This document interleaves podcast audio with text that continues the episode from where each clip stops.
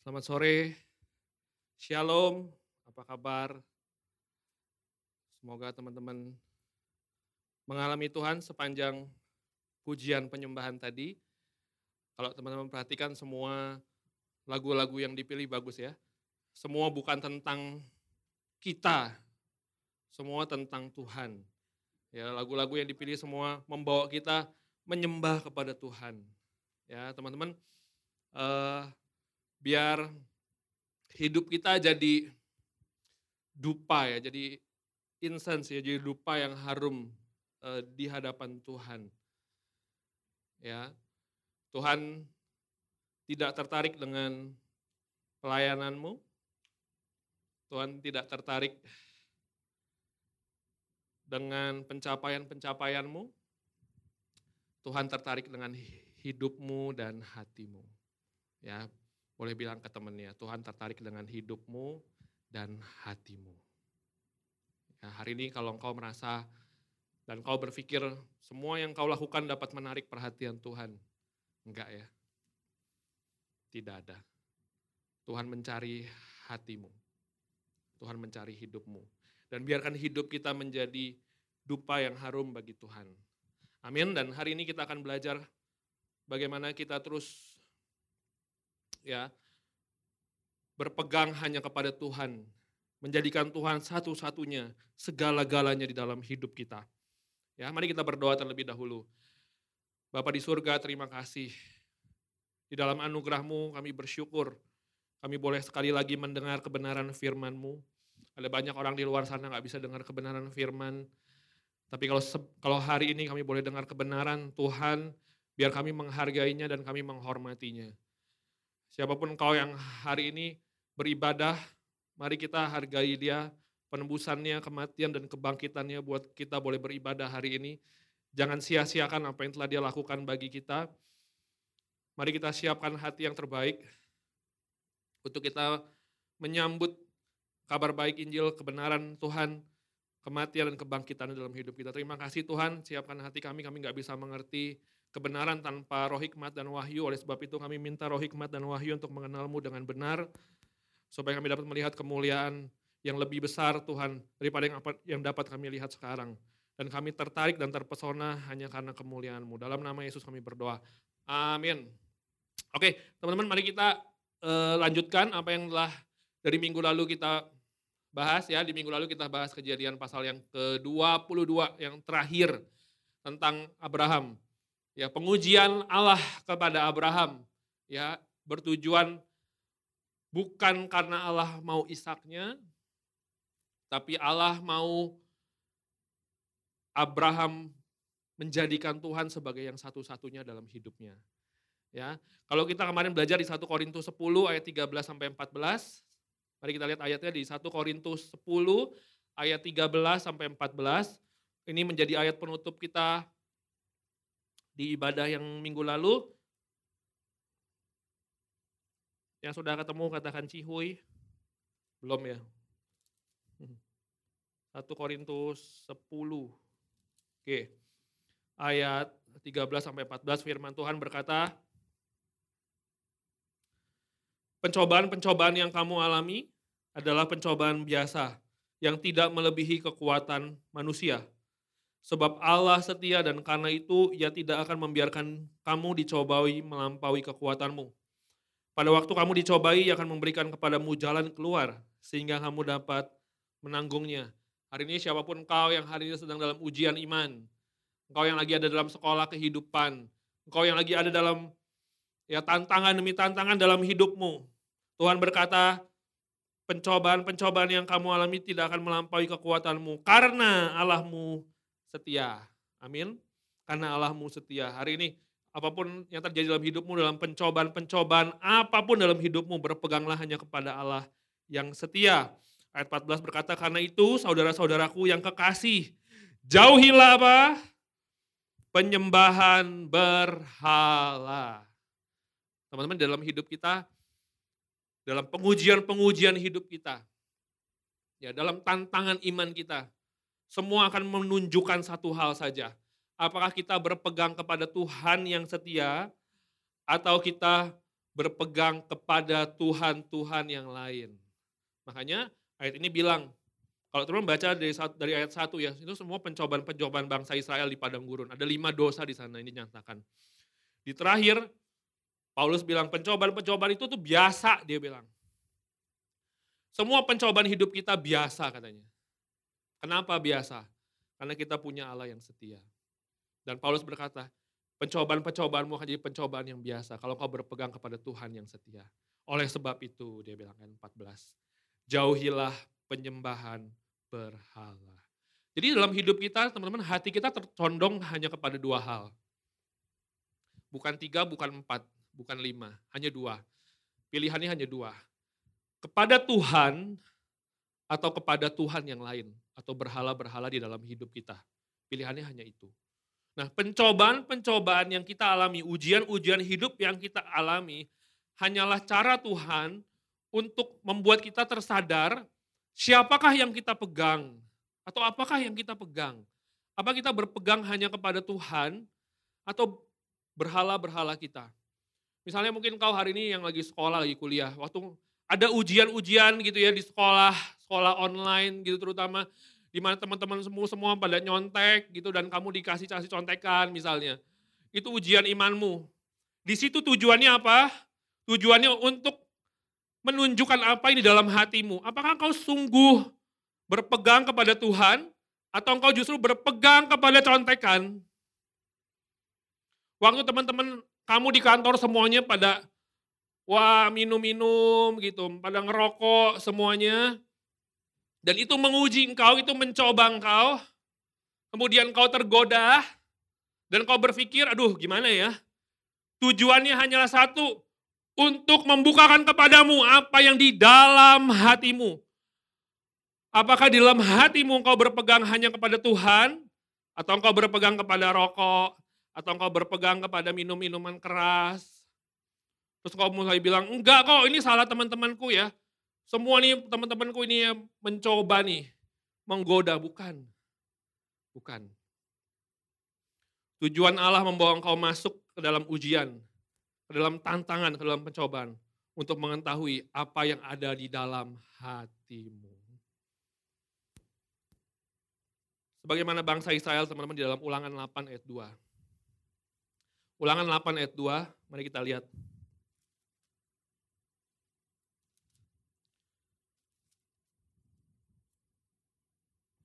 Firman Tuhan berkata, Ingatlah kepada seluruh perjalanan yang kau lakukan atas kehendak Tuhan Allahmu di padang gurun selama 40 tahun ini.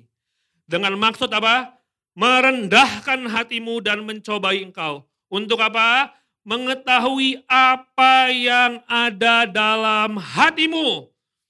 Yakni apakah engkau berpegang pada perintahnya atau tidak. Kenapa Tuhan bawa bangsa Israel keluar dari Mesir, masuk ke padang gurun, muter-muter di padang gurun. Kenapa nggak dibawa langsung masuk ke tanah kanan dalam hitungan hari?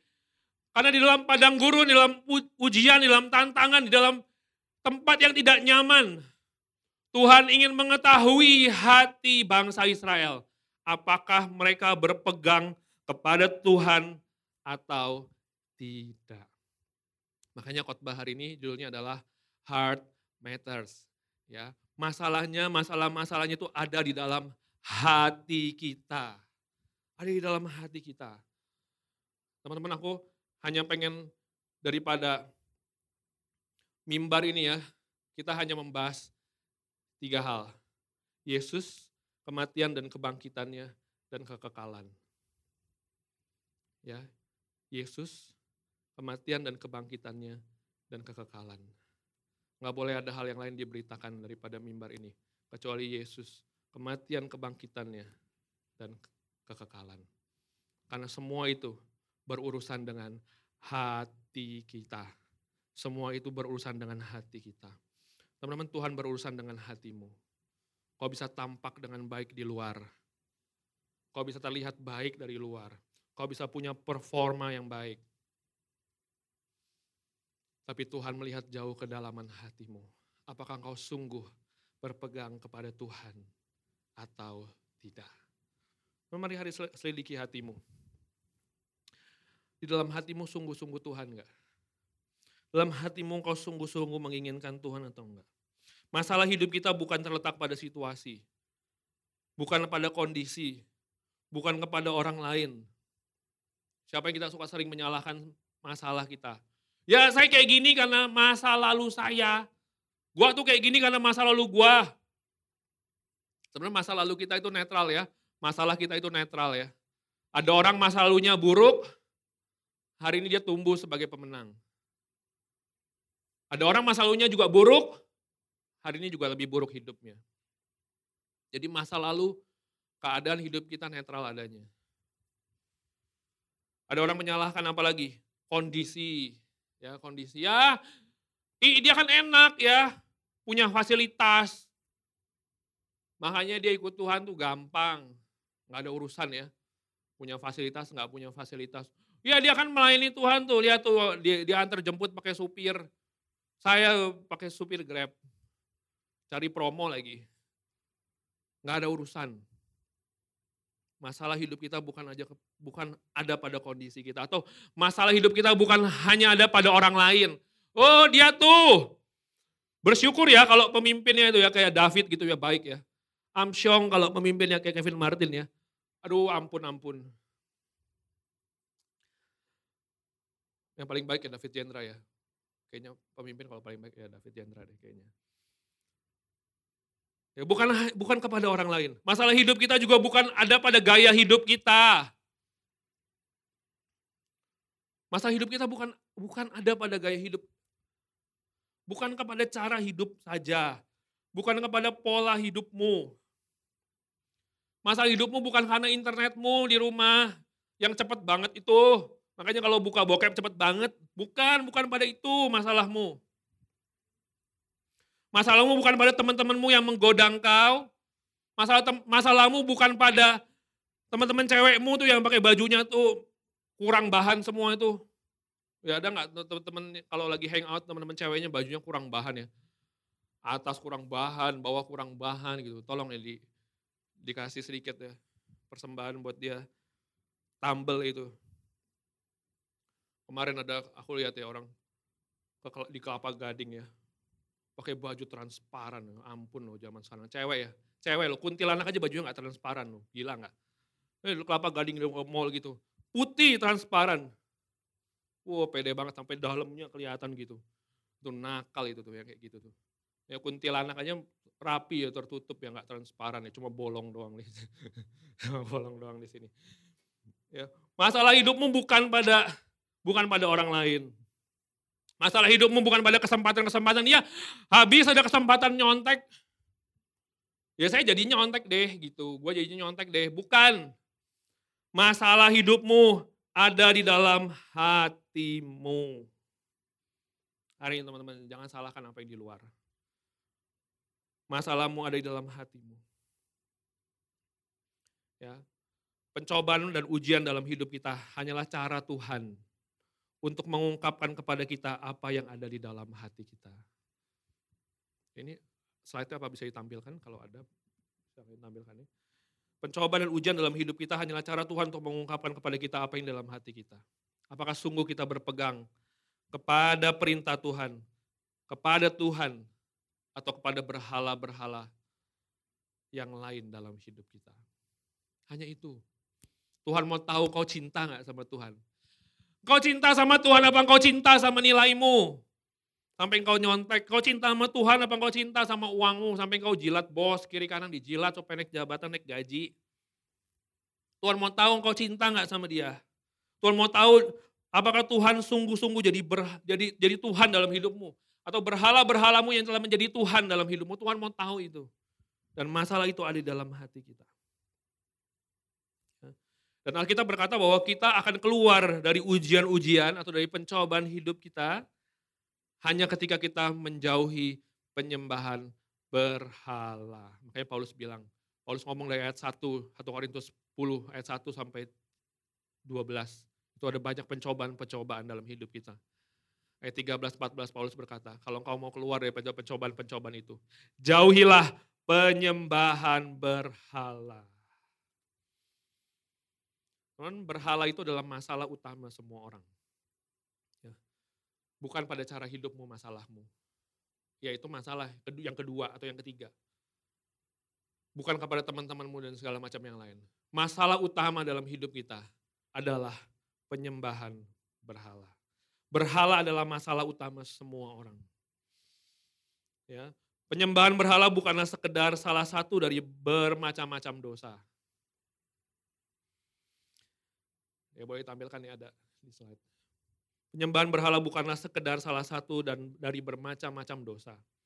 Justru penyembahan berhala adalah sebuah dosa besar di mana semua dosa yang lain berasal.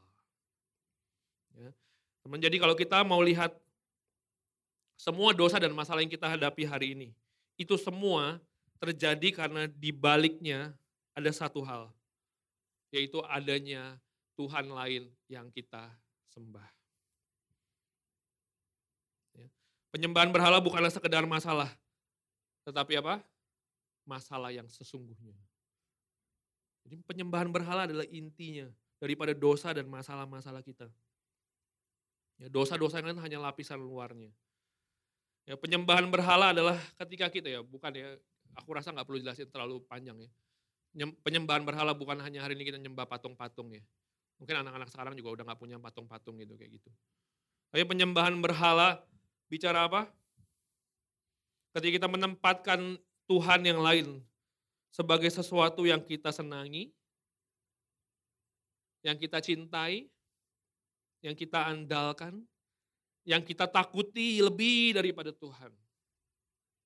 Berhala kita hari ini apa? Segala sesuatu yang kita cintai, yang kita senangi, Mungkin gamenya lebih disenangi daripada Alkitabnya. Kok radikal banget ya? Ya emang standarnya begitu. Gak boleh ada yang lain. Mungkin prestasinya lebih diandalkan daripada Tuhan. Ya gue kan pinter ngapain gue mesti doa-doa segala minta hikmat kalau mau ulangan ya ngapain. Gue kan pinter ya. Apalagi Hal apa yang kita paling takuti untuk kita kehilangan daripada Tuhan? Takut hilang uangmu? Takut hilang apa? Pelayananmu? Takut hilang hobimu? Takut hilang friendshipmu?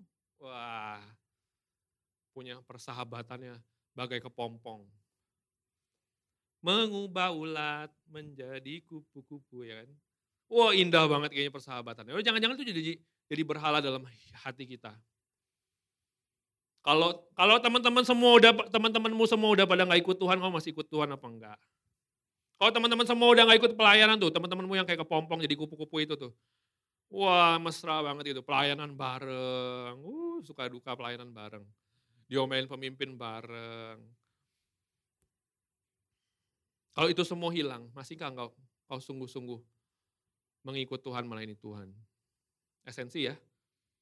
Kalau semua hal dalam hidup kita hilang, masih nggak kita sungguh-sungguh mengikuti Tuhan? Jangan-jangan orang persahabatan kita udah jadi Tuhan. Kita lebih takut kehilangan teman daripada kehilangan Tuhan. Makanya ada banyak orang nggak berani say no kepada teman-temannya tuh yang suka yang suka ngebokep, yang suka main judi, yang suka ngerokok, nggak berani bilang enggak. Takut dia kehilangan teman daripada kehilangan Tuhan. Takut kehilangan gebetan daripada kehilangan Tuhan. Takut. Teman-teman jangan-jangan hal-hal itu telah menjadi berhala dalam hidup kita. Ya. Makanya teman-teman ketika Musa berada di atas gunung Sinai, maka perintah Tuhan yang pertama apa? Nah kita lihat dalam keluaran 20. Keluaran 20 ayat 2 sampai 3. Keluaran 20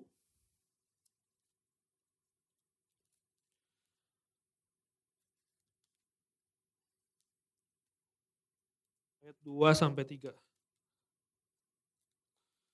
Aduh, keluaran 20 ayat 2 sampai 3. Firman Tuhan berkata gini, Akulah Tuhan Allahmu yang membawa engkau keluar dari tanah Mesir, dari tempat perbudakan. Jangan ada padamu apa? Allah lain di hadapanku. Masalah utama manusia bukan pada dosa-dosa yang lain, bukan pada masalah situasi, kondisi, Masalah utama manusia adalah ketika dia menempatkan di dalam hidupnya ada Allah lain di hadapan Tuhan. Makanya perintah ini menjadi perintah yang pertama dalam 10 perintah. Jangan ada padamu Allah lain di hadapanku. Jangan-jangan Tuhanmu itu game kamu. Makanya kalau nggak main game kelojotan. Jangan-jangan Tuhanmu itu teman-temanmu, makanya kalau nggak ada teman-temanmu, hancur hidupmu. Jangan-jangan uang jadi Allahmu. Jangan-jangan prestasi jadi Allahmu. Makanya dapat nilai dapat nilai 75 aja nangis itu paling orang orang paling kesel ya kalau kalau di sekolah ya orang tuh ya. Dapat nilai 75, 80 nangis. Nah, ada nggak orang kayak gitu tuh? Hah? Mesti doain pelepasan itu. Ada loh. Lu dapat berapa? Jelek, jelek, uh, jelek. Berapa emang? 80. 80 jelek. Ya, uh, ya kan? 80 ya. Kalau ada tuh yang kayak gitu, di remove aja tuh dari, dari zoomnya tuh. Hmm. Jangan-jangan jangan-jangan prestasinya jadi berhala dalam hidupnya. Jangan-jangan prestasi jadi Allah dalam hidupmu. Apa yang menjadi berhala dalam hidupmu? Teman-teman, waktu Tuhan bilang jangan ada padamu Allah lain di hadapanku. Tuhan bukan ingin jadi nomor satu. Tuhan bukan ingin jadi nomor satu, lalu yang prestasi kedua, keluarga ketiga, uang keempat. Ini nggak lagi ngomongin perbandingan kayak gitu. Tuhan itu tidak level ya membandingkan dirinya dengan prestasimu, kekayaanmu. Jadi ayat ini nggak lagi ngomong Tuhan mau jadi nomor satu. Bukan. Ayat ini mau ngomong Tuhan mau jadi segala-galanya dalam hidupmu. Tuhan mau jadi hidupmu. Tuhan bukan mau jadi nomor satu, yang lain nomor dua, tiga, empat, lima, enam. Bukan. Tuhan mau jadi segala-galanya dalam hidupmu. Bahkan dia ingin menjadi hidupmu. Kalau setiga ayat empat, mari kita lihat. Ini ayat ini bagus ya. Kalau setiga ayat empat,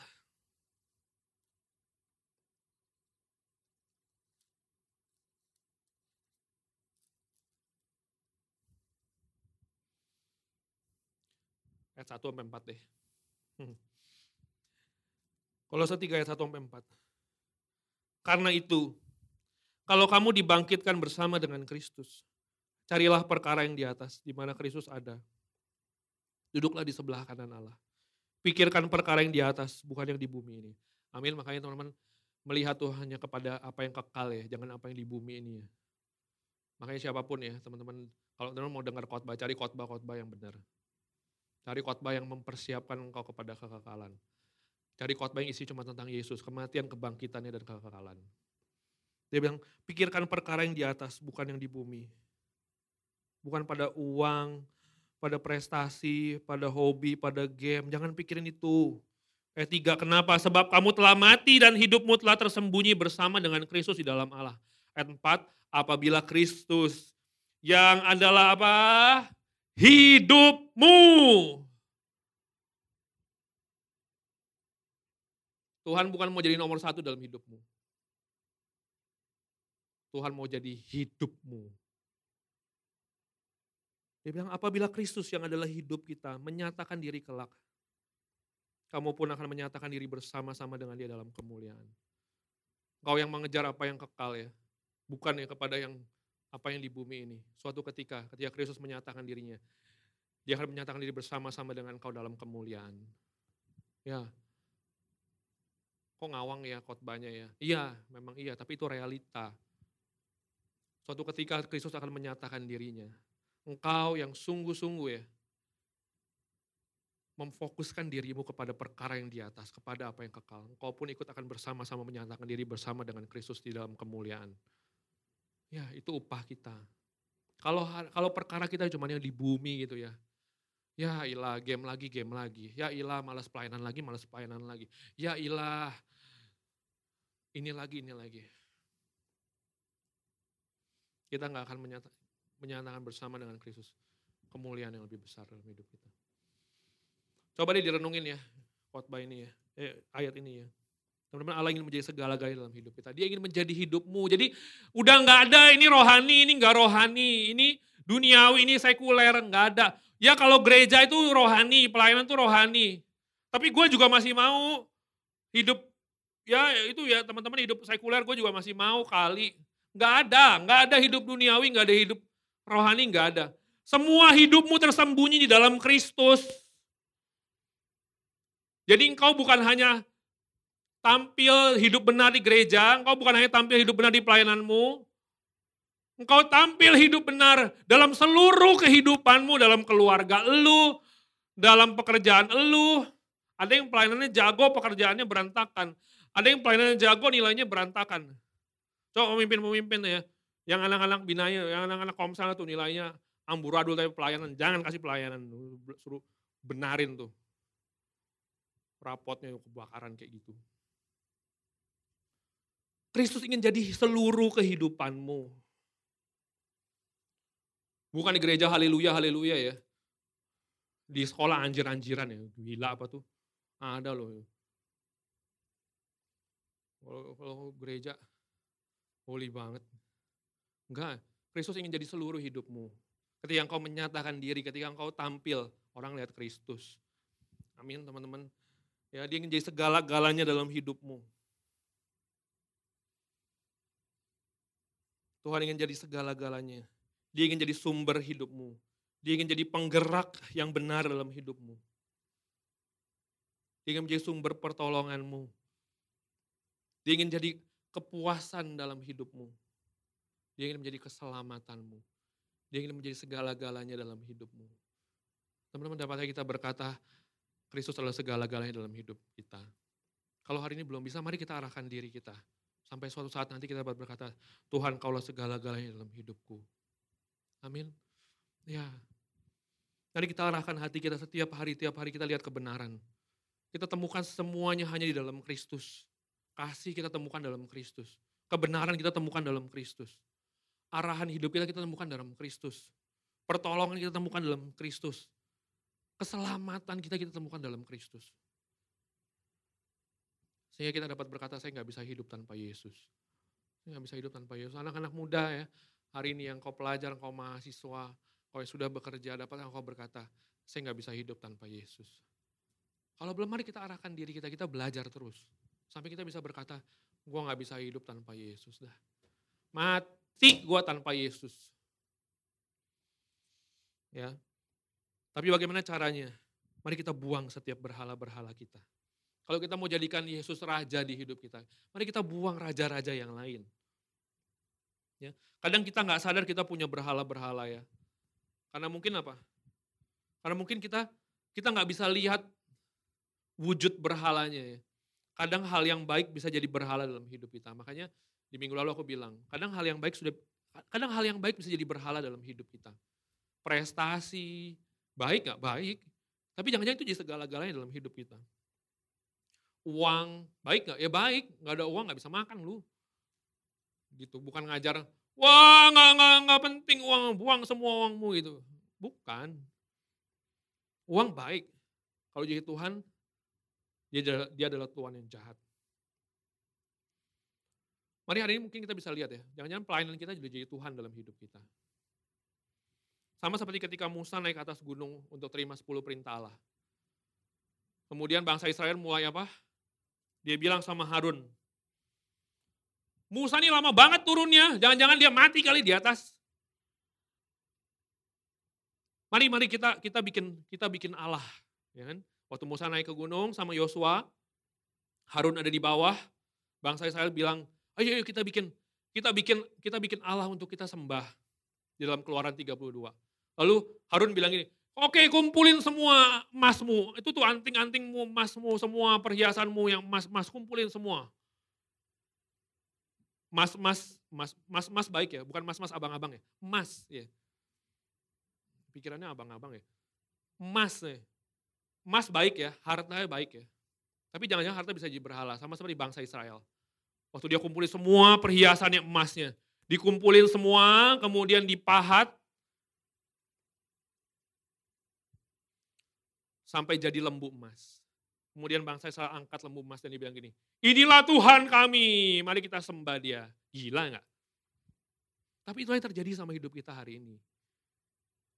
Mungkin kita punya hal-hal yang itu terlihatnya baik, tapi jadi berhala dalam hidupmu.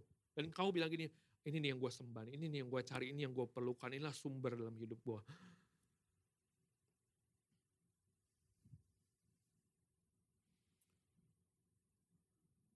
Apa yang jadi berhalamu ya? Kita mungkin punya kepintaran ya, mungkin itu bisa jadi berhala dalam hidup kita. Kecantikanmu, ketampananmu, ya, ya kan gue udah bilang, cantik tampan dari sononya, gratisan, nggak ada usaha lu. Jangan-jangan tuh, jangan-jangan jadi berhala di hidup kita. Kan gue cakep gitu ya, apresiasi orang, peneguhan orang. Jangan-jangan kita menanti-nanti apresiasi orang, peneguhan orang, afirmasi orang, pengennya terus diafirmasi, pengennya terus diteguhkan sama orang. Jangan-jangan itu berhala kita, terlihatnya baik memang, tapi jangan-jangan itu berhala kita. Kalau orang gak afirmasi kita, wah ciut kita. Apa yang jadi berhala dalam hidup kita? Pelayanan ya, terlihatnya baik, tapi jangan-jangan itu jadi berhala dalam hidup kita. Keluargamu, ya keluarga baik ya, pemberian Tuhan kita bersyukur untuk keluarga kita. Tapi jangan-jangan itu jadi berhala dalam hidup kita. Teman-teman, apa pun yang menjadi tujuan dan penggerak dalam hidup kita, memiliki kemungkinan besar untuk menjadi tindakan penyembahan berhala pada titik tertentu. Ada di slide-nya, boleh ditampilkan. Apa pun yang menjadi tujuan dan penggerak dalam hidup kita, memiliki kemungkinan besar untuk menjadi tindakan penyembahan berhala pada titik tertentu. Hari ini apa yang menggerakkan hidupmu? Apa yang menjadi tujuanmu? Itu berpotensi besar untuk menjadi penyembahan berhala dalam hidupmu. Ya. Teman-teman John Calvin bilang gini, hati kita adalah pabrik terbaik untuk menghasilkan berhala-berhala. Jadi hati kita ini pabrik terbaik untuk menghasilkan berhala-berhala. Hal yang baik bisa dijadikan berhala, hal yang kotor juga bisa dijadikan berhala. Kalau tadi kita ngomong ya hal-hal baik, ya prestasi, penampilan, pencapaian, keluarga, apa pun ya hal-hal yang baik, pelayanan, bisa jadi berhala. Tapi lucunya dalam hati kita, yang kotor juga bisa kita jadikan berhala. Percabulan, ya. Hal-hal yang, makanya hati kita ini pabrik menghasilkan berhala-berhala. Makanya Amsal 4 ayat 23 bilang, jagalah hatimu dengan kewaspadaan dengan segala kewaspadaan karena dari situ terpancar hidupmu. Kalau di dalam hatimu isinya berhala-berhala, makanya kau akan keluar menghasilkan dosa-dosa dan masalah-masalah dalam hidupmu. Ya. Ingat masalahmu bukan ada pada Instagrammu, bukan ya. Kadang ada anak-anak delete Instagram supaya supaya nggak jatuh. Coba aja delete Instagram jatuh nggak masih pasti di apa di nonaktifin gitu. Sampai kadang orang nyari susah ya kok nggak ada ya dia. Dia hilang kok. Delete Facebooknya. Delete gamenya. Oh suka tuh. Siapa yang suka delete gamenya tuh? Eh besok di download lagi. Mana nggak? Coba senggol ya. Bukan senggol yang nggak ada bisa senggol ya. Coba ditanya tuh kiri kanannya tuh yang lagi ibadah. Delete Instagram. Hari ini saya komit saya nggak mau buka-buka Instagram lagi. Saya bikin saya jatuh dalam dosa tuh Apalagi explore-nya ya. Eh besok download lagi. Ya. Bukan pada apa yang di luar masalahmu. Coba siapa yang berat badannya banyak tuh ya.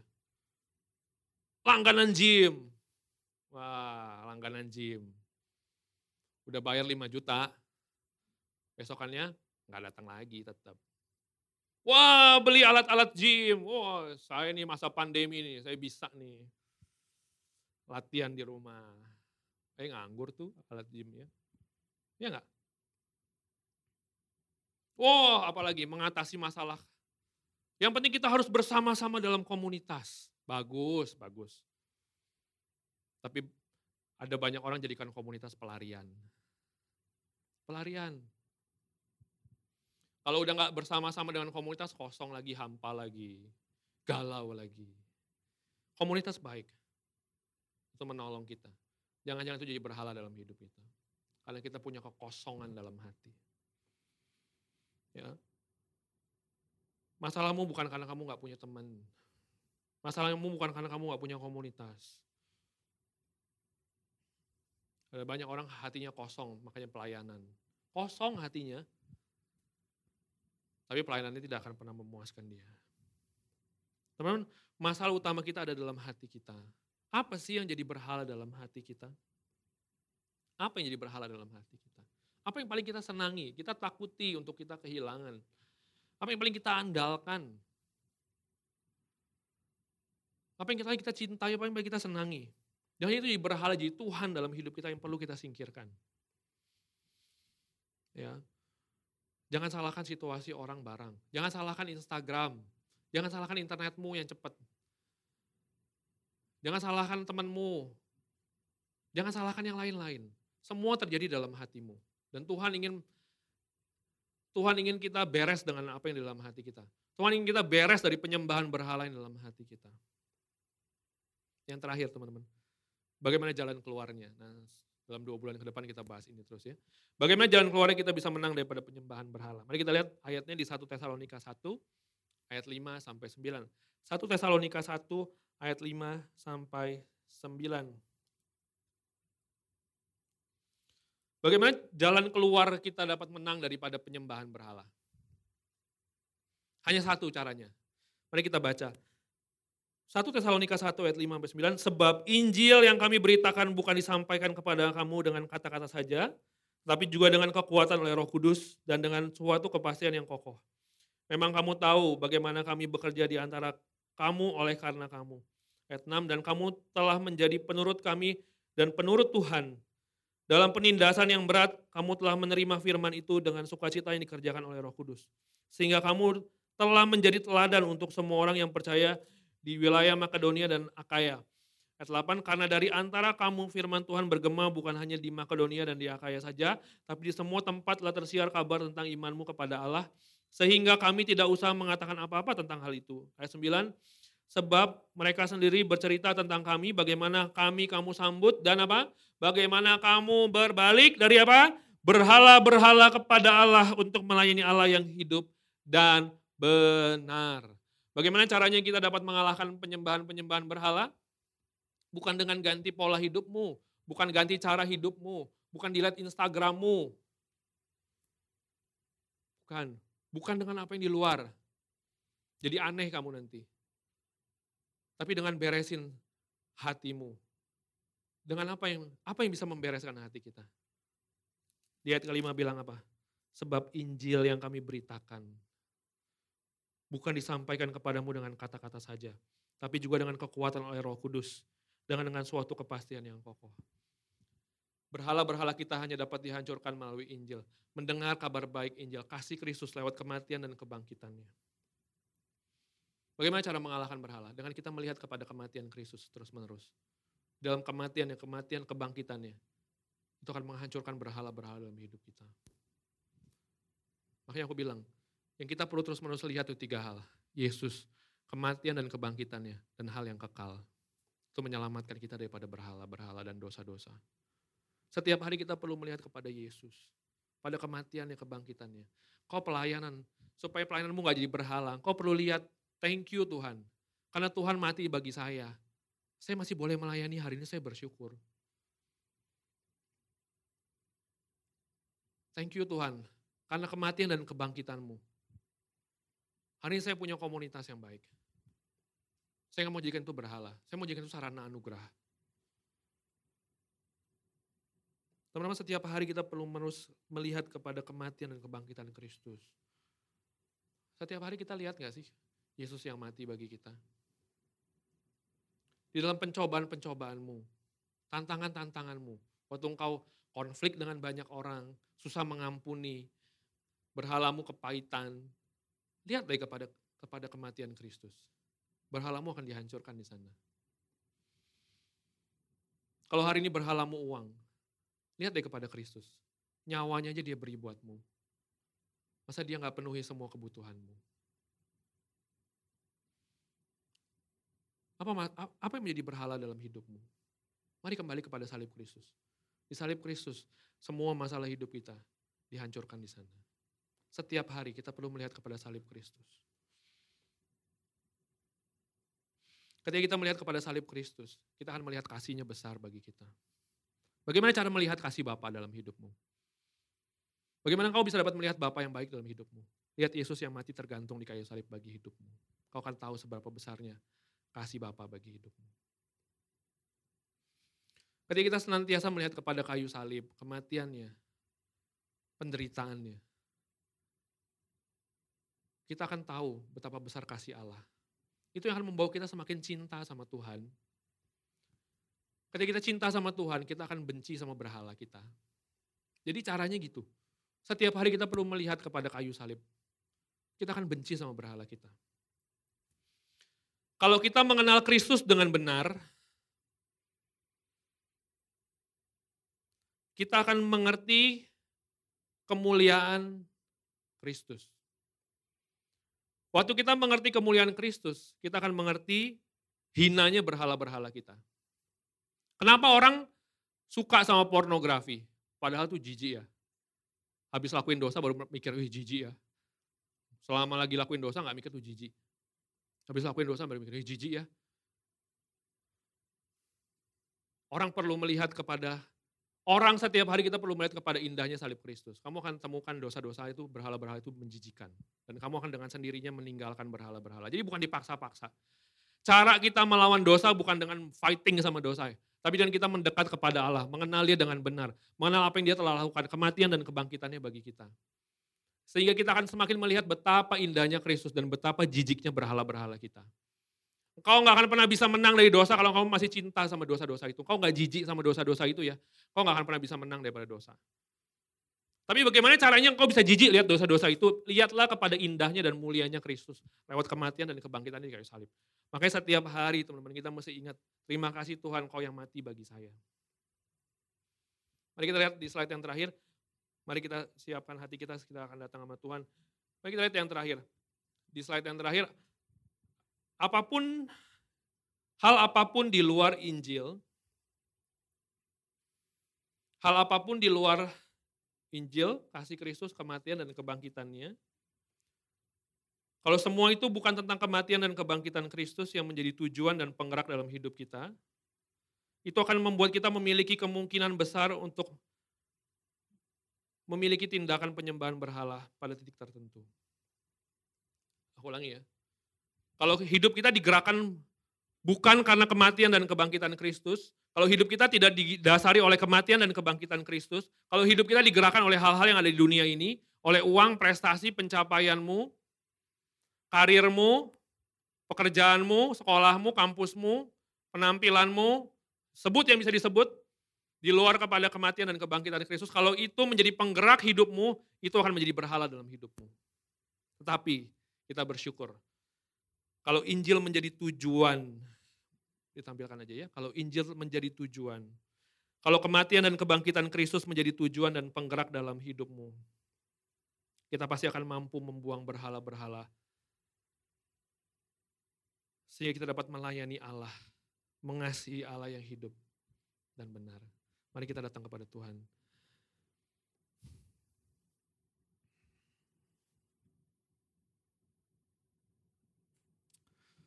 Mari siapkan hati kita. Mari kita cek hati kita. Apa yang menggerakkan hidup kita. Jangan-jangan itu jadi berhala dalam hidupmu. Semua hal yang bukan kematian dan kebangkitan Kristus. Semua hal yang bukan salib Kristus. Yang menggerakkan hidupmu.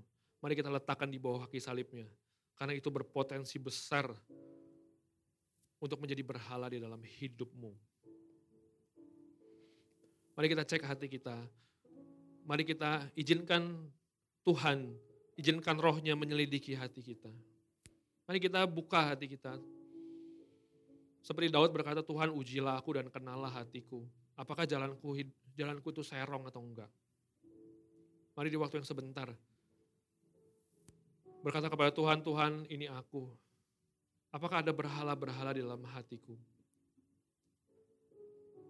Mungkin itu uang, mungkin itu penampilan, mungkin itu penerimaan orang.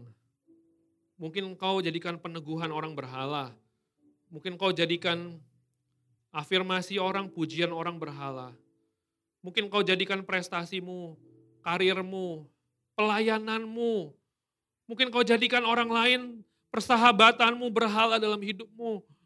Hal apa yang hari ini kau nggak bisa lepaskan? Mari izinkan salib Kristus hari ini menghancurkan berhala-berhala dalam hidupmu. Firman Tuhan berkata, siapakah yang mempesona engkau? Bukankah Kristus yang mati bagimu?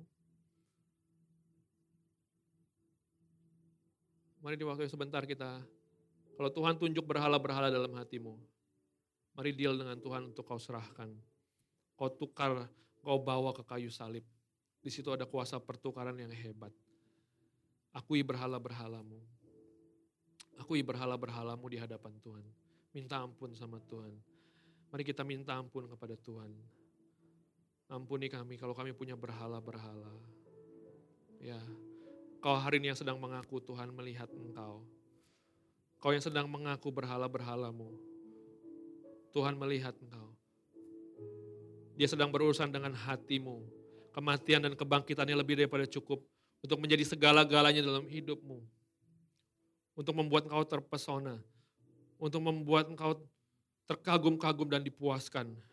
Serahkan berhala-berhalamu. Mari kita datang kepada Tuhan.